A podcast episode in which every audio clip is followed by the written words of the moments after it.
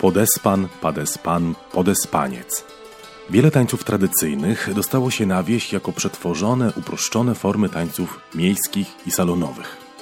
Zazwyczaj różniły się one od swoich pierwowzorów w sferze ruchowej, choć najbardziej charakterystyczne elementy, takie jak krok podstawowy czy ujęcia, nie zmieniały się.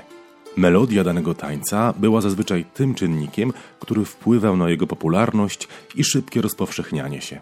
Również nazwa mogła być modyfikowana, szczególnie gdy taniec zadomawiał się wśród ludności zamieszkującej inny obszar kulturowy czy językowy. Jednym z takich tańców był podespan –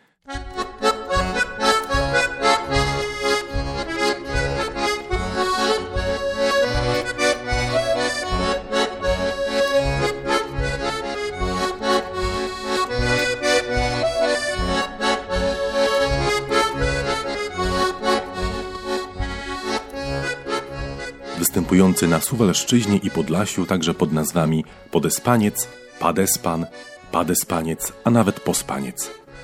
Historia tego tańca sięga przełomu XIX i XX wieku, kiedy to w Europie panowała wciąż moda na tańce salonowe, tworzone przez nauczycieli tańca na potrzeby bali. Wzorowano je na tańcach innych narodów, komponowano specjalnie muzykę. Podespan, czyli Padespań, był tańcem nawiązującym do elementów hiszpańskich, zarówno w warstwie choreotechnicznej, jak i muzycznej. Autorem muzyki i pierwowzoru ruchowego był rosyjski artysta Aleksander Aleksandrowicz Carman. Taniec ten bardzo szybko się rozpowszechnił, nie tylko na salonach i w miastach. Zawędrował na zachód, aż na Podlasie, Suwalszczyznę, Wileńszczyznę, a nawet na tereny dzisiejszej Finlandii, Estonii czy Łotwy.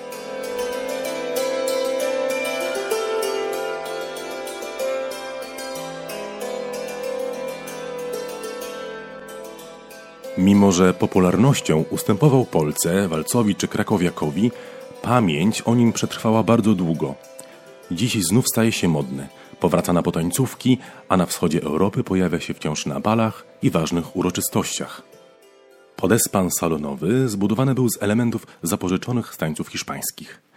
Takie też miał sprawiać wrażenie wśród tańczących. Dotyczyło to układu rąk, kroków, ozdobników w postaci przytupów, ale też hiszpańsko brzmiącej muzyki.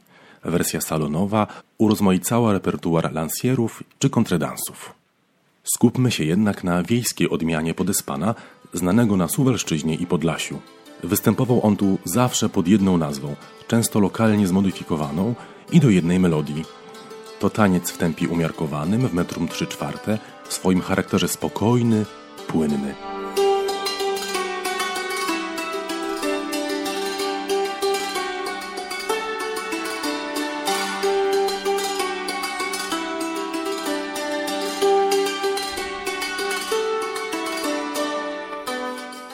Tańczono go w parach w charakterystycznym ujęciu rąk, w tak zwanym okienku.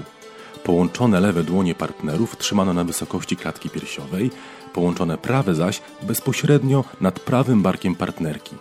Ujęcie takie umożliwiało bardzo bliski kontakt w parze. W najbardziej rozpowszechnionej wersji partner ustawia się z lewej strony partnerki lekko za nią.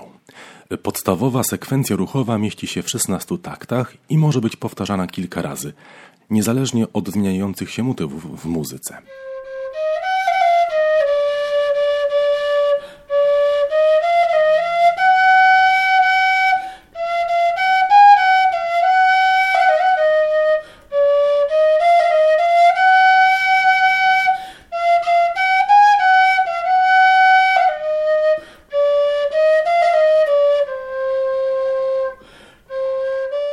Partnerzy rozpoczynają z tych samych nóg.